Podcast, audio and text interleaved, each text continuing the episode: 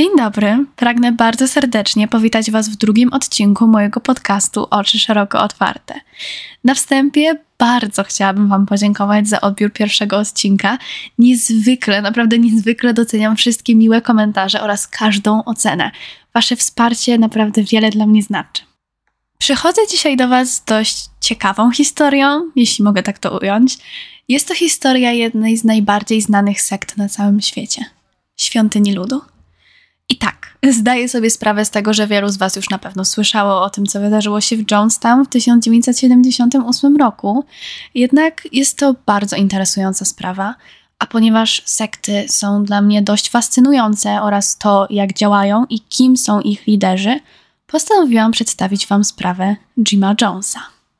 Zostałam wielokrotnie poproszona na live'ach na TikToku o pokrycie właśnie sprawy jakiejś sekty – Ponieważ wcześniej interesowałam się już świątynią ludu oraz samym w sobie Jimem Jonesem, postanowiłam przybliżyć Wam właśnie tę sprawę. Początkowo drugim odcinkiem miała być historia hotelu Cecil, tak jak zresztą mówiłam wielokrotnie, jednak ten temat zostawimy sobie na trochę późniejszy odcinek. Zaczynajmy. Złapcie za koc i herbatę i zasłuchajcie się w fali kryminalnych historii. Aby trochę lepiej zrozumieć dzisiejszą sprawę, zacznijmy może od samego znaczenia słowa sekta i czym tak naprawdę ona jest. I oczywiście mogłam Wam teraz przytoczyć jakąś definicję z internetu, jednak ujmę to we własnych słowach na podstawie tego, co po prostu wiem. Sekta lub też kult to nic innego jak grupa ludzi wierząca w daną ideologię. Jest ona kierowana przez charyzmatycznego i manipulującego lidera. Liderzy sekt, choć potrafią się różnić, łączy ich jedno wielkie ego. Mam wrażenie, że dosłownie każdy lider sekty ma ogromne ego i uważa się za pana tego świata. W zasadzie głównie to ich charakteryzuje. Uważają się za, wiecie, taki autorytet wszystkich ludzi, którzy im podlegają, więc nie mają większego problemu z tym, aby ingerować w ich życie. Pracę, rodzinę, miejsce zamieszkania, czy też stosunki seksualne. I skoro już przy tym jesteśmy, bardzo często w sektach da się zaobserwować liderów, którzy zakazują współżycia. Na pewno słyszeliście o paru sektach, na przykład JMS, o której nagram na pewno osobny odcinek, których lider całkowicie zakazuje ludziom kontaktów seksualnych. Sam natomiast nakłania swych poddanych do współżycia z nim samym. Jak już więc na pewno zdążyliście zauważyć, liderzy sekt to manipulanci o ogromnym mniemaniu o sobie i wielkiej charyzmie. Charyzma to w zasadzie taka podstawa w byciu przywódcą sekty. Jeśli lider jej nie ma, nie utworzy kultu. Przejdźmy zatem do lidera sekty naszej dzisiejszej historii Jima Jonesa. Jim, lub raczej James Warren Jones, urodził się 13 maja 1931 roku w stanie Indiana jako syn Jamesa i Lynette Jones. Jak sam opisywał, jego dom nie był przepełniony miłością. W zasadzie na próżno było jej tam szukać. Jego ojciec był żołnierzem walczącym podczas I wojny światowej i od 1918 roku utrzymywał się z renty otrzymanej po wypadku, jaki spotkał go na poligonie. Nie jest do końca pewnym, czym zajmowała się jego matka, jednak jak później mówił Jim, była raczej chłodna. Ciągle pracowała i powtarzała, że nigdy nie chciała mieć dziecka.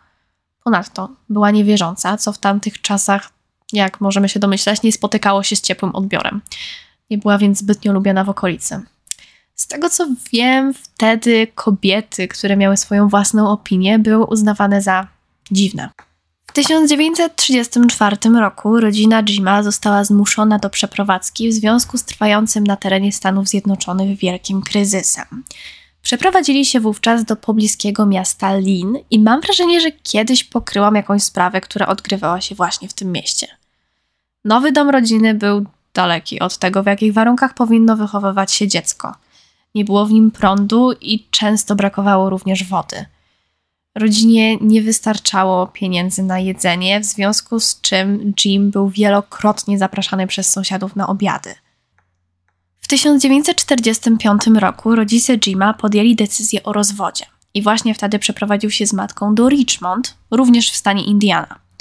W tamtym okresie rozwody nie były dość popularne i w zasadzie, kiedy para brała rozwód, całe społeczeństwo sądziło, że to właśnie z kobietą jest coś nie tak.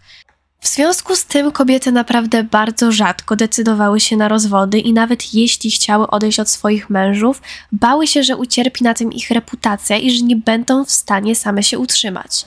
Możemy więc wnioskować, że Lineta naprawdę bardzo pragnęła lepszego życia dla siebie i zapewne również dla Jima. Pewnego dnia w życiu Jima zdarzył się, można by rzec, przełom. Kobieta o imieniu Martha Kennedy, żona pastora w kościele Nazarejczyka, podarowała mu Biblię i poprosiła, aby się w nią zagłębił. Jim był trochę zdezorientowany, ponieważ na tamten moment nie był aż tak bardzo wierzący. Postanowił jednak wypełnić prośbę kobiety i bardzo szybko zapragnął głosić słowa zapisane w Biblii. Wiemy, że w 1946 roku Jim rozpoczął pracę jako pomoc w szpitalu.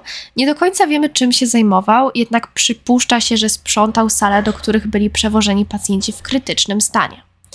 Czasami po pracy czy też szkole udawał się przed supermarkety, gdzie czytał Biblię przechodzącym ulicą ludziom. W mieście było pięć kościołów, a Jim chodził do każdego z nich tego samego dnia. Z jednej mszy od razu biegł na następną. Teraz jest dość przerażający fakt na temat Jima. Jego wzorem, kiedy był młodszy, był Adolf Hitler. Czytał książki na jego temat i był pochłonięty jego osobą. Jak później przyznał, imponowało mu to, jak wielką liczbę ludzi udało mu się zaciągnąć w swoje szeregi. Muszę przyznać, że historia Jima jest naprawdę niezwykle długa i zawiła, więc będę zagłębiać się jedynie w ważne momenty jego życia. Inaczej naprawdę bardzo łatwo się pogubicie, tak jak ja podczas robienia researchu. Jim był opisywany jako bardzo dobry uczeń. Z tego, co udało mi się znaleźć, lubił wdawać się w dyskusje z nauczycielami. Wiecie, taka osoba, która zawsze wie wszystko lepiej niż nauczyciel. Nie lubił jednak wdawać się w konwersacje z innymi uczniami i nie rozmawiał z nikim, jeśli sam nie zaczynał konwersacji, albo ta właśnie dana konwersacja nie dotyczyła jego. Ponadto wielokrotnie wytykał rówieśnikom picie alkoholu, chodzenie na imprezy czy palenie papierosów. W trakcie szkoły średniej Jim dowodził drużyną koszykówki na swoim osiedlu i uważał, że jest to dość ważne i zarazem dość dziwne, ponieważ był liderem tej oto drużyny. Nie uprawiał sportu, nie potrafił grać w koszykówkę i nie jestem do końca pewna, na czym polegała jego rola, ponieważ nie był trenerem, po prostu dowodził drużyną. I jak sam później przyznał, właśnie taka była jego rola lidera już od najmłodszych lat. Jim skończył szkołę w 1948 roku, a w listopadzie przeprowadził się do pobliskiego miasta Bloomington, gdzie rozpoczął studia medyczne. I to jest dość ważne, ponieważ przez większość życia Jim chciał zostać doktorem. Stało się to jego naprawdę ogromnym marzeniem w momencie, w którym rozpoczął pracę w szpitalu. Właśnie tam poznał Marceline Baldwin, którą następnie poślubił w czerwcu 1949 roku. Jak mówiła Marceline, była pod ogromnym wrażeniem tego, jak otwarty na ludzi był Jim i niezwykle imponowało jej to, że chciał, aby każdy był traktowany równo, co jak wiemy w tamtych czasach bardzo rzadko się zdarzało. Ich małżeństwo zaczęło przechodzić wiele upadków, głównie spowodowanych awanturami dotyczącymi religii. Co to jednak dokładnie oznacza? Marceline nie była do końca pewna, w co wierzy Jim. Wielokrotnie powtarzał jej, że nie wierzy w Boga, jak jego zna dziewczyna, jednak w zasadzie nigdy nie rozwijał swojej wypowiedzi, a to naprawdę niesamowicie ją frustrowało i prowadziło do ciągłych awantur. Postanowiła dać jednak Jimowi czas i spróbować rozgryźć to, w co wierzy jej mąż. Jim zaczął zabierać Marceline do kościołów, które, jak sam mówił, różniły się od tych standardowych, w których wielokrotnie odczuwał nudę. W tych, do których lubił chodzić, ludzie tańczyli, śpiewali i naprawdę bardzo dobrze się bawili. Właśnie tak Jim odbierał wiarę i religię. Jeden z ulubionych kościołów Jima przyjął jego i Marceline z otwartymi ramionami, a to niezwykle go ucieszyło. W 1952 roku Jim został uczniem jednego z pastorów. Chciał uczyć się jeszcze więcej na temat religii oraz tego, jak skutecznie ją przekazywać. I to jest dość ważne.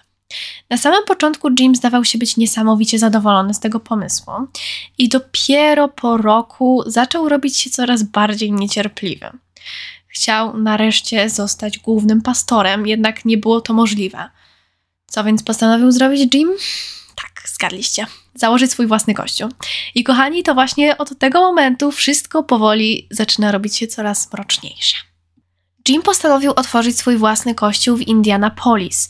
Jego taką początkową nazwą było Community Unity. I jest to dość taka chwytliwa, można powiedzieć, nazwa, więc sama ona przyciągała ludzi. Jim czuł, że bycie pastorem to jego powołanie i nie wierzył w to, że cokolwiek mogłoby pójść nie tak. Czuł się niczym przysłowiowa ryba w wodzie. Wolność słowa i możliwość przeprowadzania mszy w jego własnym stylu były dla niego naprawdę niezwykle ekscytujące. Kościół Jima składał się przede wszystkim z chrześcijaństwa i jak teraz moglibyśmy powiedzieć, New Age – Zostało ono zapoczątkowane dopiero w latach 70., niemniej jednak jego głoszenia były bardzo podobne właśnie do zapoczątkowanego później New Age. Takim podstawowym założeniem kościoła Jima było głoszenie Biblii w przyjemny dla ludzi sposób. Jednocześnie bardzo chciał jednoczyć każdego, co, jak już wcześniej powiedziałam, nie było praktykowane w kościołach czy ogólnie w społeczeństwie w latach 50. Jim chciał, aby wszyscy czuli się w jego kościele jak najlepiej. No i jak możecie się spodziewać, to działało na społeczeństwo. Ludzie uwielbiali sposób, w jaki prowadził mszę i z wielką chęcią słuchali tego, co ma do powiedzenia. Jest to ważne, bo walczył z nierównością społeczną i chciał, aby każda osoba, niezależnie od tego, jakiego jest koloru skóry czy orientacji, miała równe prawa. Do tego wrócimy jednak odrobinkę później. Marceline odgrywała w tym wszystkim bardzo dużą rolę. I nie tylko dlatego, że była żoną Jima, ale przede wszystkim dlatego, że układała cały plan na każdą mszę. To znaczy, co Jim ma powiedzieć i jakie tematy zostaną poruszone. Była więc odpowiedzialna za główną organizację. Jak już wspomniałam chwilę wcześniej, ludzie po prostu uwielbiali Jima i to, jak bardzo chciał wszystkich zjednoczyć. Co ciekawe, nowych członków jego kościoła było na tyle dużo, że w pewnym momencie nie wszyscy byli w stanie posłuchać niedzielnej mszy. Jim bardzo szybko zauważył, że musi przenieść się do większego kościoła, jednak nie miał na to pieniędzy. Nie miał żadnych oszczędności i sam nie pracował. Jak więc to zrobić? Jim miał w głowie plan. Postanowił wstrząsnąć członkami jego kościoła. Chciał, aby szczęki opadały im na jego widok wiedział, że nie jest w stanie wprost poprosić ich o pieniądze. Wielu z nich ledwo wiązało koniec z końcem i był pewien, że takim sposobem nigdy w życiu nie znajdzie dla siebie i przede wszystkim swoich wyznawców większego miejsca. Jego plan, oczywiście w jego mniemaniu, był genialny. Postanowił przeprowadzać magiczne uzdrowienia. Jak się domyślacie, Jim nie potrafił uzdrawiać ludzi. Nie widział jednak problemu w tym, aby troszeczkę to sfałszować. Na samym początku Jim postanowił zdobyć zaufanie swoich wyznawców. Nie mógł przecież z dnia na dzień uzdrowić osobę, która nie może chodzić, bo wszyscy pomyśleliby, że jest to dość dziwne. Zaczął więc od leczenia takich dolegliwości jak ból brzucha, głowy czy też gardła. Krzyczał podczas mszy, że dzięki mocy, jaką podarował mu Bóg, osoba jest wyleczona. To działało. Na ludzi oczywiście.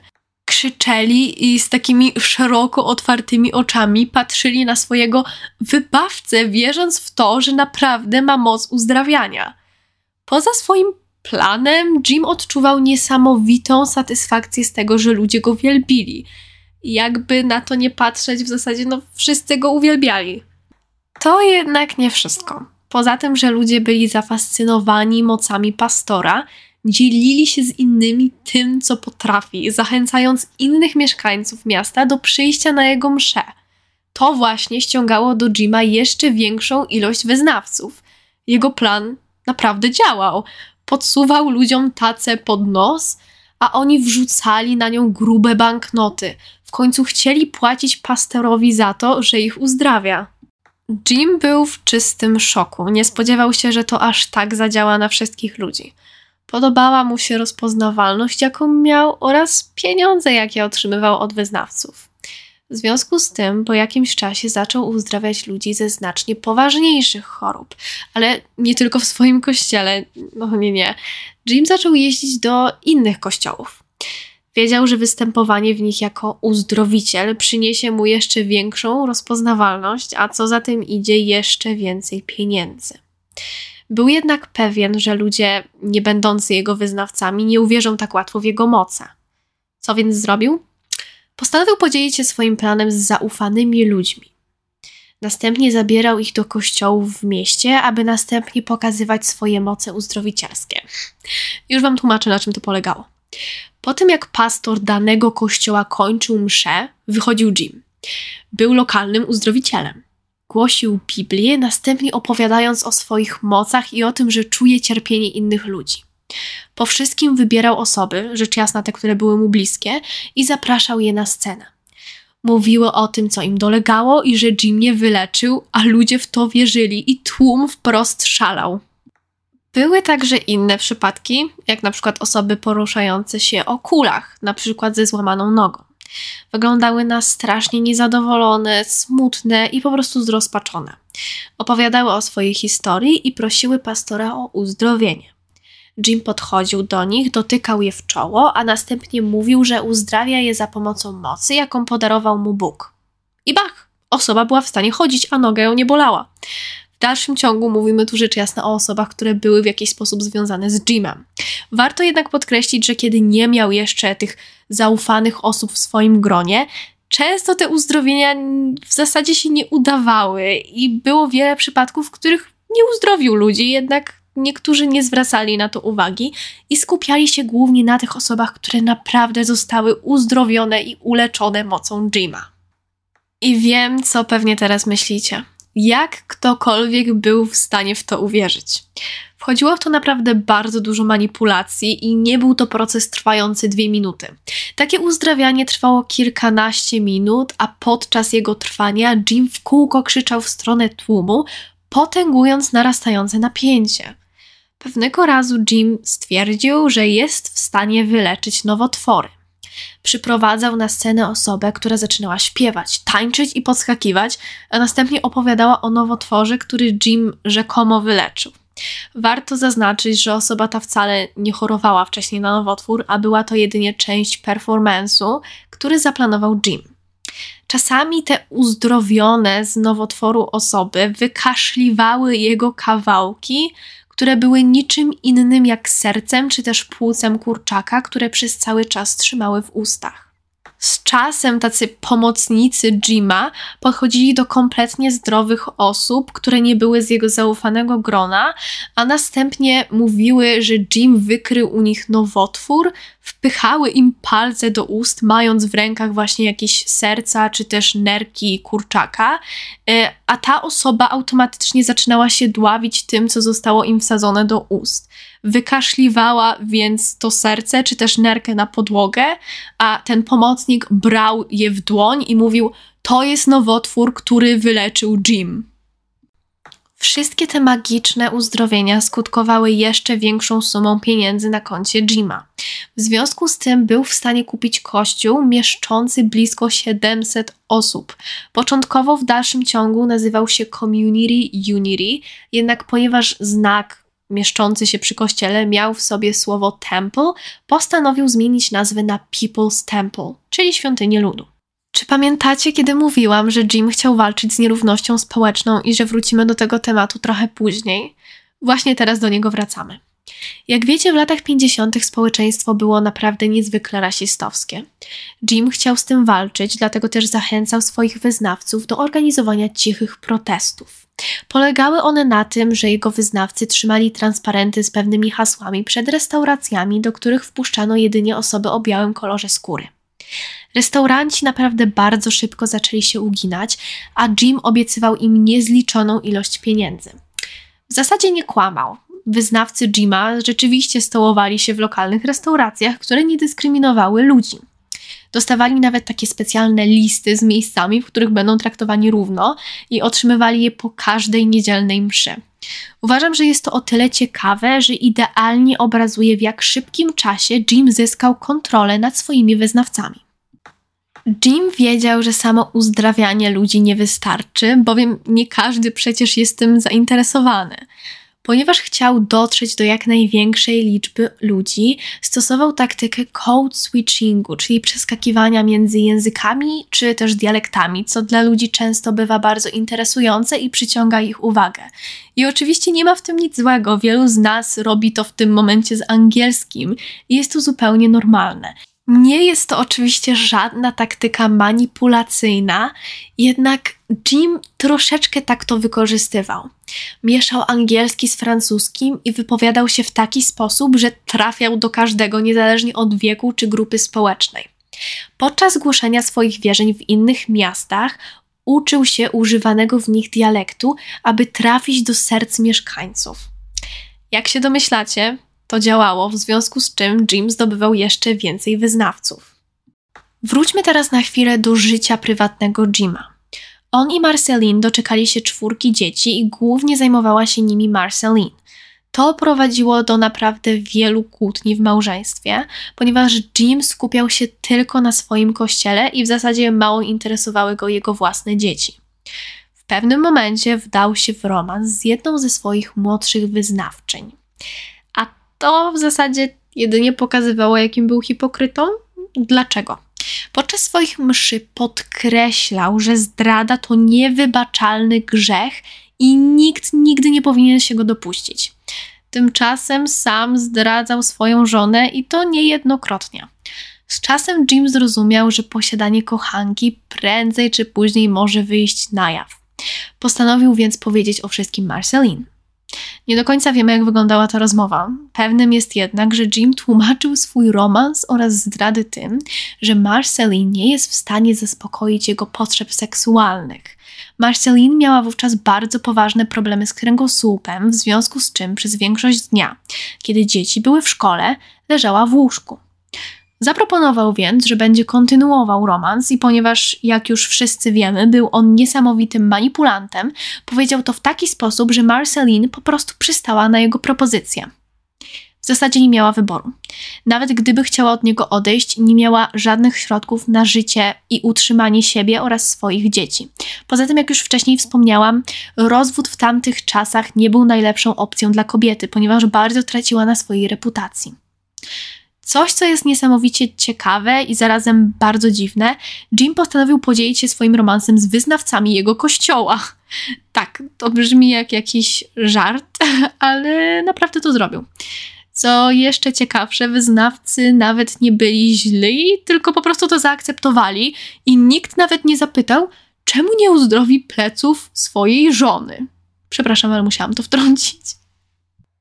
W 1965 roku rodzina Jones przeprowadziła się do Kalifornii. Właśnie tam zainwestowali w jeszcze większy kościół dla wyznawców świątyni ludu. Coś, co warto zaznaczyć, jedynie kilkadziesiąt wyznawców przeniosło się z Indianapolis do Kalifornii, aby być w dalszym ciągu obecnym w życiu kościoła. I Jim nie był z tego ani trochę zadowolony, wręcz przeciwnie, był zawiedziony. Potrzebował więc podbić serca mieszkańców Kalifornii. W 1969 roku Jim zauważył, że jego kościół nie jest ani trochę popularny w Kalifornii. Wręcz przeciwnie. Większość ludzi wcale nie interesowały jego głoszenia czy też magiczne uzdrowienia, ponieważ podobnych miejsc było w tamtym czasie naprawdę wiele. Coraz więcej osób walczyło o równość i to, co mówił Jim, nie było dla ludzi żadną nowością. W 1970 roku zdarzył się jednak przełom. I jak za sprawą cudu, Jim zyskał wielu nowych wyznawców, zarabiając jeszcze więcej pieniędzy. Zapewne nie był to cud, a fakt, że Jim podróżował między innymi do Los Angeles, prezentując ludziom na ulicach swoje magiczne uzdrowienia, które rzecz jasna nadal były fałszowane. Z czasem jego kościół rozrósł się tak bardzo, że po każdym wystąpieniu lub też mszy Jim rozdawał wyznawcom, czy też nawet przypadkowym ludziom formy do wypełnienia z imieniem, nazwiskiem oraz adresem. Następnie wysyłał im cotygodniowe podsumowanie z tym, co udało mu się osiągnąć w tym tygodniu. Między innymi były to właśnie uzdrowienia. Właśnie wtedy zaczął otrzymywać datki również pocztowo. Jim oferował posiłki ludziom, których nie było na to stać. Wkrótce świątynia ludu otworzyła swój własny sklep.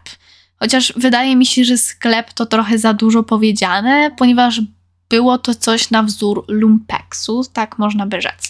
Przyjmowali ubrania od ludzi, którzy już ich nie potrzebowali, a następnie sprzedawali je innym.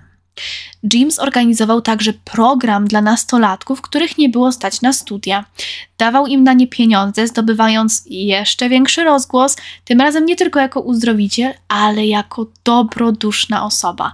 A to było dla niego bardzo ważne. Jim bardzo szybko otworzył dwa kolejne kościoły w Los Angeles i w San Francisco. Właśnie wtedy zaczął wymagać od swoich wyznawców coraz więcej. Chciał i w zasadzie wymagał, aby oddawali się w pełni świątyni ludu. Nie chciał, aby nawiązywali jakiekolwiek relacje romantyczne, pili alkohol lub próbowali narkotyków. Nie chciał także, aby palili papierosy, ponieważ, jak mówił, osłabiało to ich ciała oraz duszę. Nie rozumiał też, z jakiego powodu ludzie chcą wydawać pieniądze na samochody, czy chodzenie do teatru albo do kina, skoro mogą oddać je jemu. Ludzie zgadzali się z jego przekonaniami i robili wszystko, co chciał. I tak dla nas może wydawać się to bardzo niezrozumiałe. W końcu, jakby samo słuchanie o tym wszystkim śmierdzi manipulacją na kilometr. O to jednak chodzi w sekcie.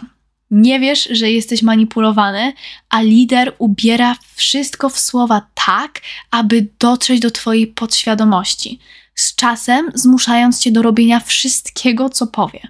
Niestety taki jest jego cel. W 1971 roku Jim po raz kolejny pokazał, jak wielkim hipokrytą jest. Zaczął eksperymentować z narkotykami, każdego dnia sięgając po pigułki. I jak mówił, pomagały mu one zyskać energię na cały dzień. Zachowywał się trochę przy tym, jakby był to swego rodzaju aktimel, a nie narkotyk. Właśnie z powodu narkotyków i ich nadużywania Jim zaczął nosić te niesławne okulary przeciwsłoneczne. I nie, nie była to część jego imidżu, a coś, co miało uchronić go przed wyznawcami dowiadującymi się o jego po prostu hipokryzji. Wyznawcom powiedział, i to jest dość zabawne.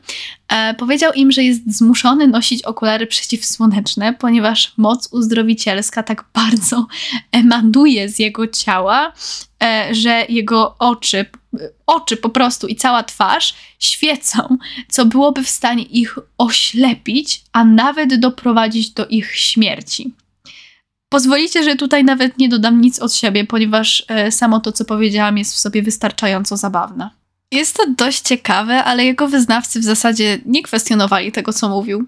Naprawdę szczerze wierzyli w to, że jeśli zdejmie te swoje okularki e, i spojrzy w ich stronę, to po prostu zginą.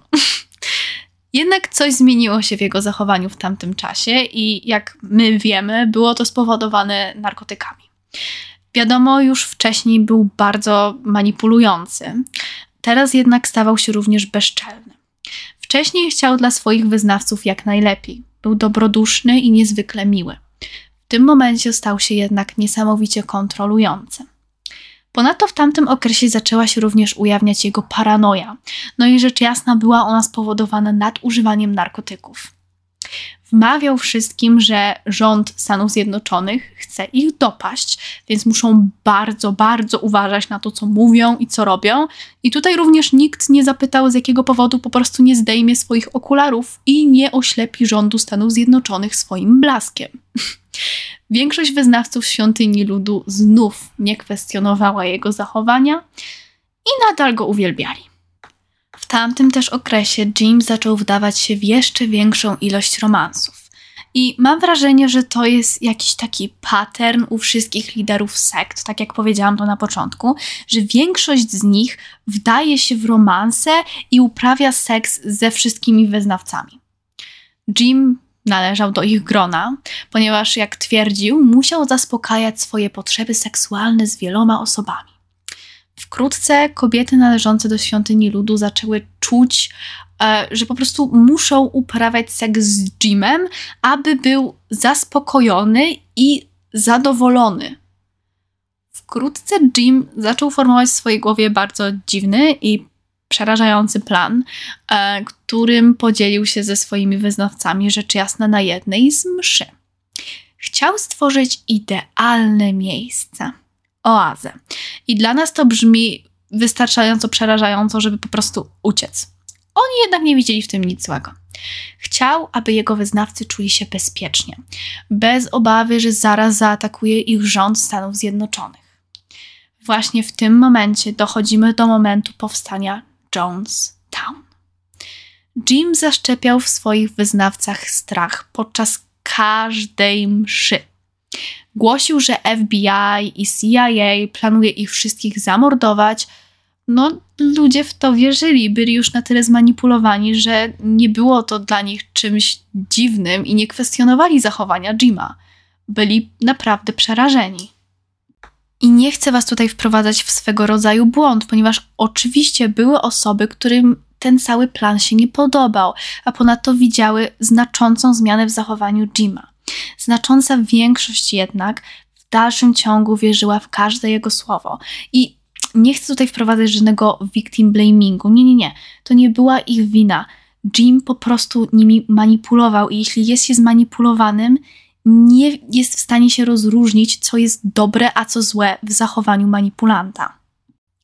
W listopadzie 1973 roku Jim i jego wyznawcy znaleźli idealną lokalizację do zbudowania swojej osady Gujanę w Ameryce Południowej. W czasie, w którym budowano wioskę, Jim prosił swoich wyznawców o odkładanie pieniędzy na wyjazd oraz na zamieszkanie w Jonestown. Ludzie z wielką chęcią to robili, chcąc żyć u boku pastora 24 na 7.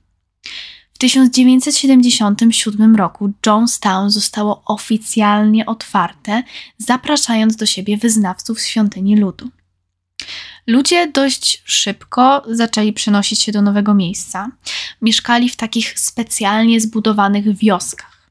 Na miejscu ci właśnie nowi mieszkańcy budowali jeszcze więcej domów dla innych wyznawców. I to jest dość ważne, jeśli jakakolwiek para chciała mieszkać razem, Jim musiał najpierw wyrazić na to zgodę. I brzmi to naprawdę niewyobrażalnie, ale miał tak duże mniemanie o sobie, że chciał kontrolować relacje innych ludzi. Jeśli nie wyraził zgody na to, aby para mieszkała razem, musieli oni mieszkać z kimś innym. Jim musiał wyrażać zgodę na większość rzeczy, jakie mieszkańcy chcieli robić. Również zrywanie ze sobą musiało odbyć się za zgodą pastora. Jeśli Jim nie wyraził zgody na to, aby dwie osoby ze sobą zerwały, musiały ze sobą w dalszym ciągu żyć.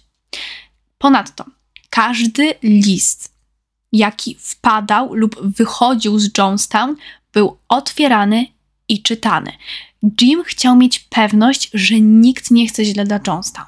Jeśli jakakolwiek osoba mieszkająca w wiosce wypowiadała się źle na temat Jonestown, musiała przepisać list i zawrzeć w nim same superlatywy na temat Jonestown.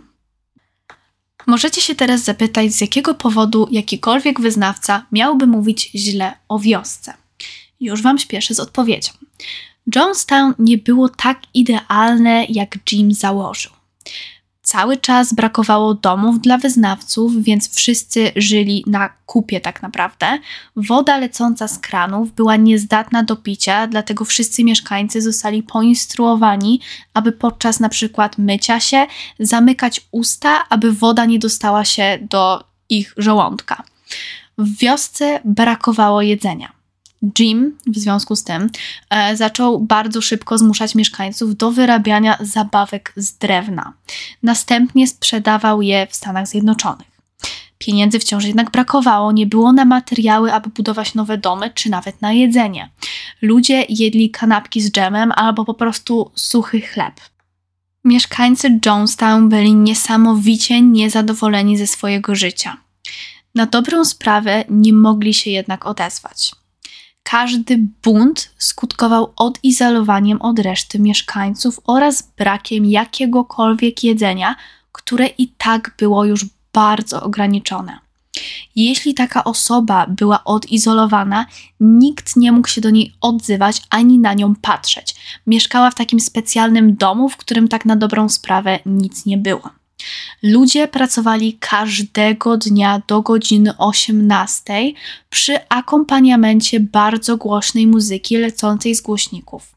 Były one rozstawione tak naprawdę po całej wiosce. Dla Jima wszystko było jednak idealne. Sam żył w znacznie lepszych warunkach ze swoją żoną i kochankami.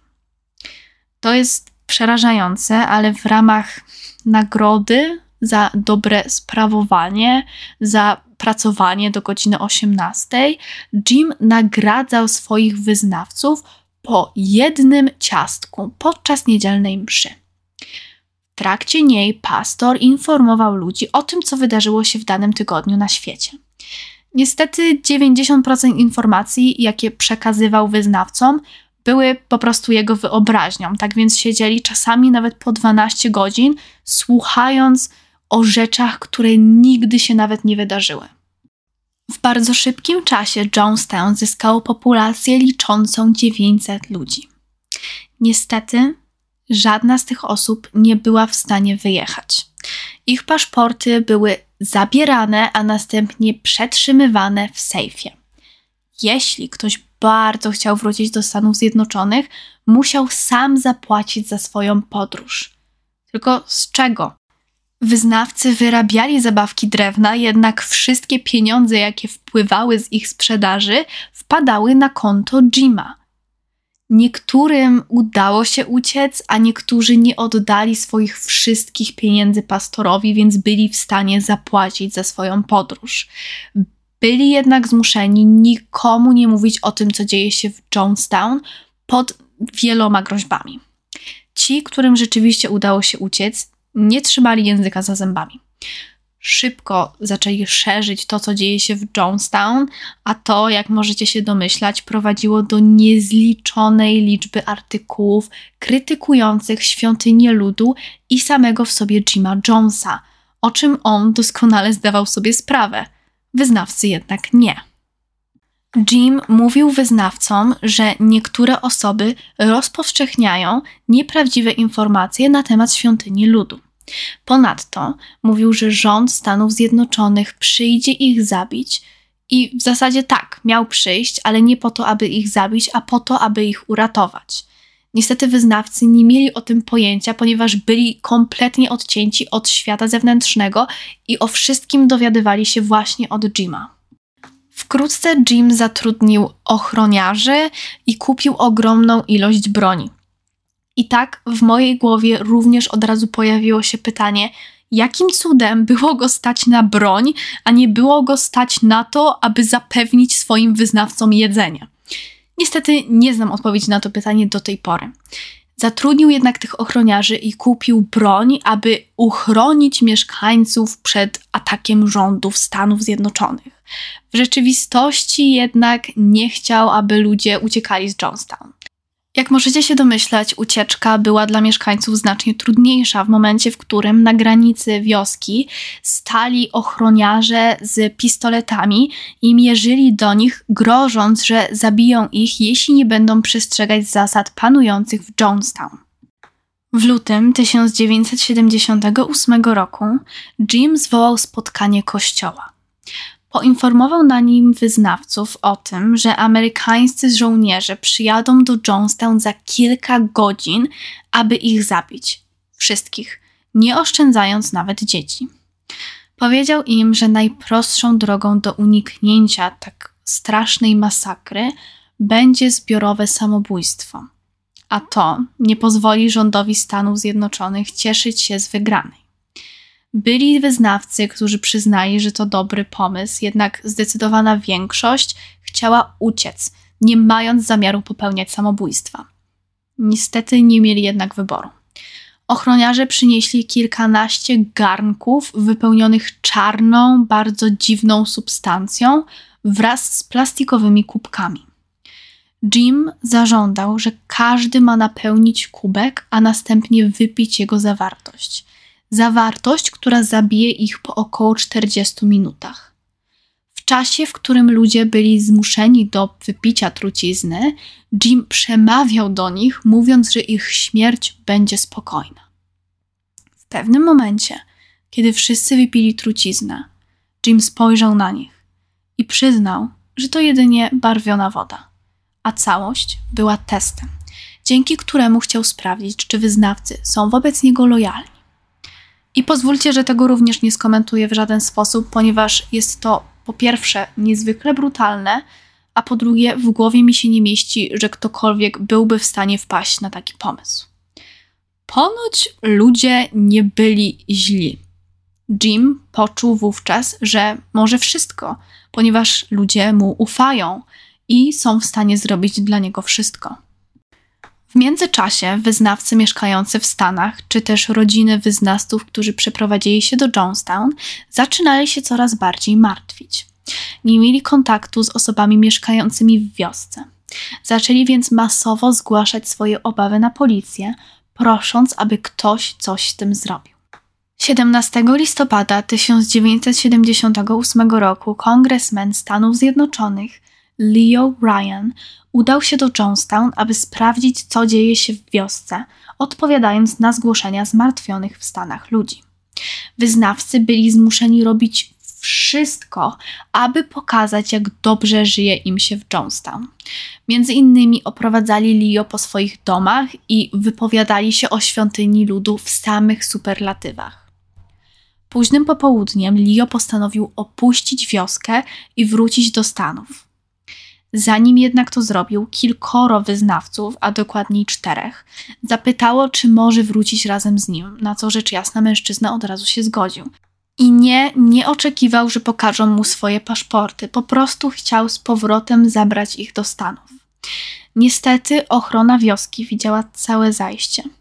Widząc incydent, byli pewni, że Leo chce porwać, a następnie zamordować wyznawców znajdujących się już wówczas w jego samochodzie.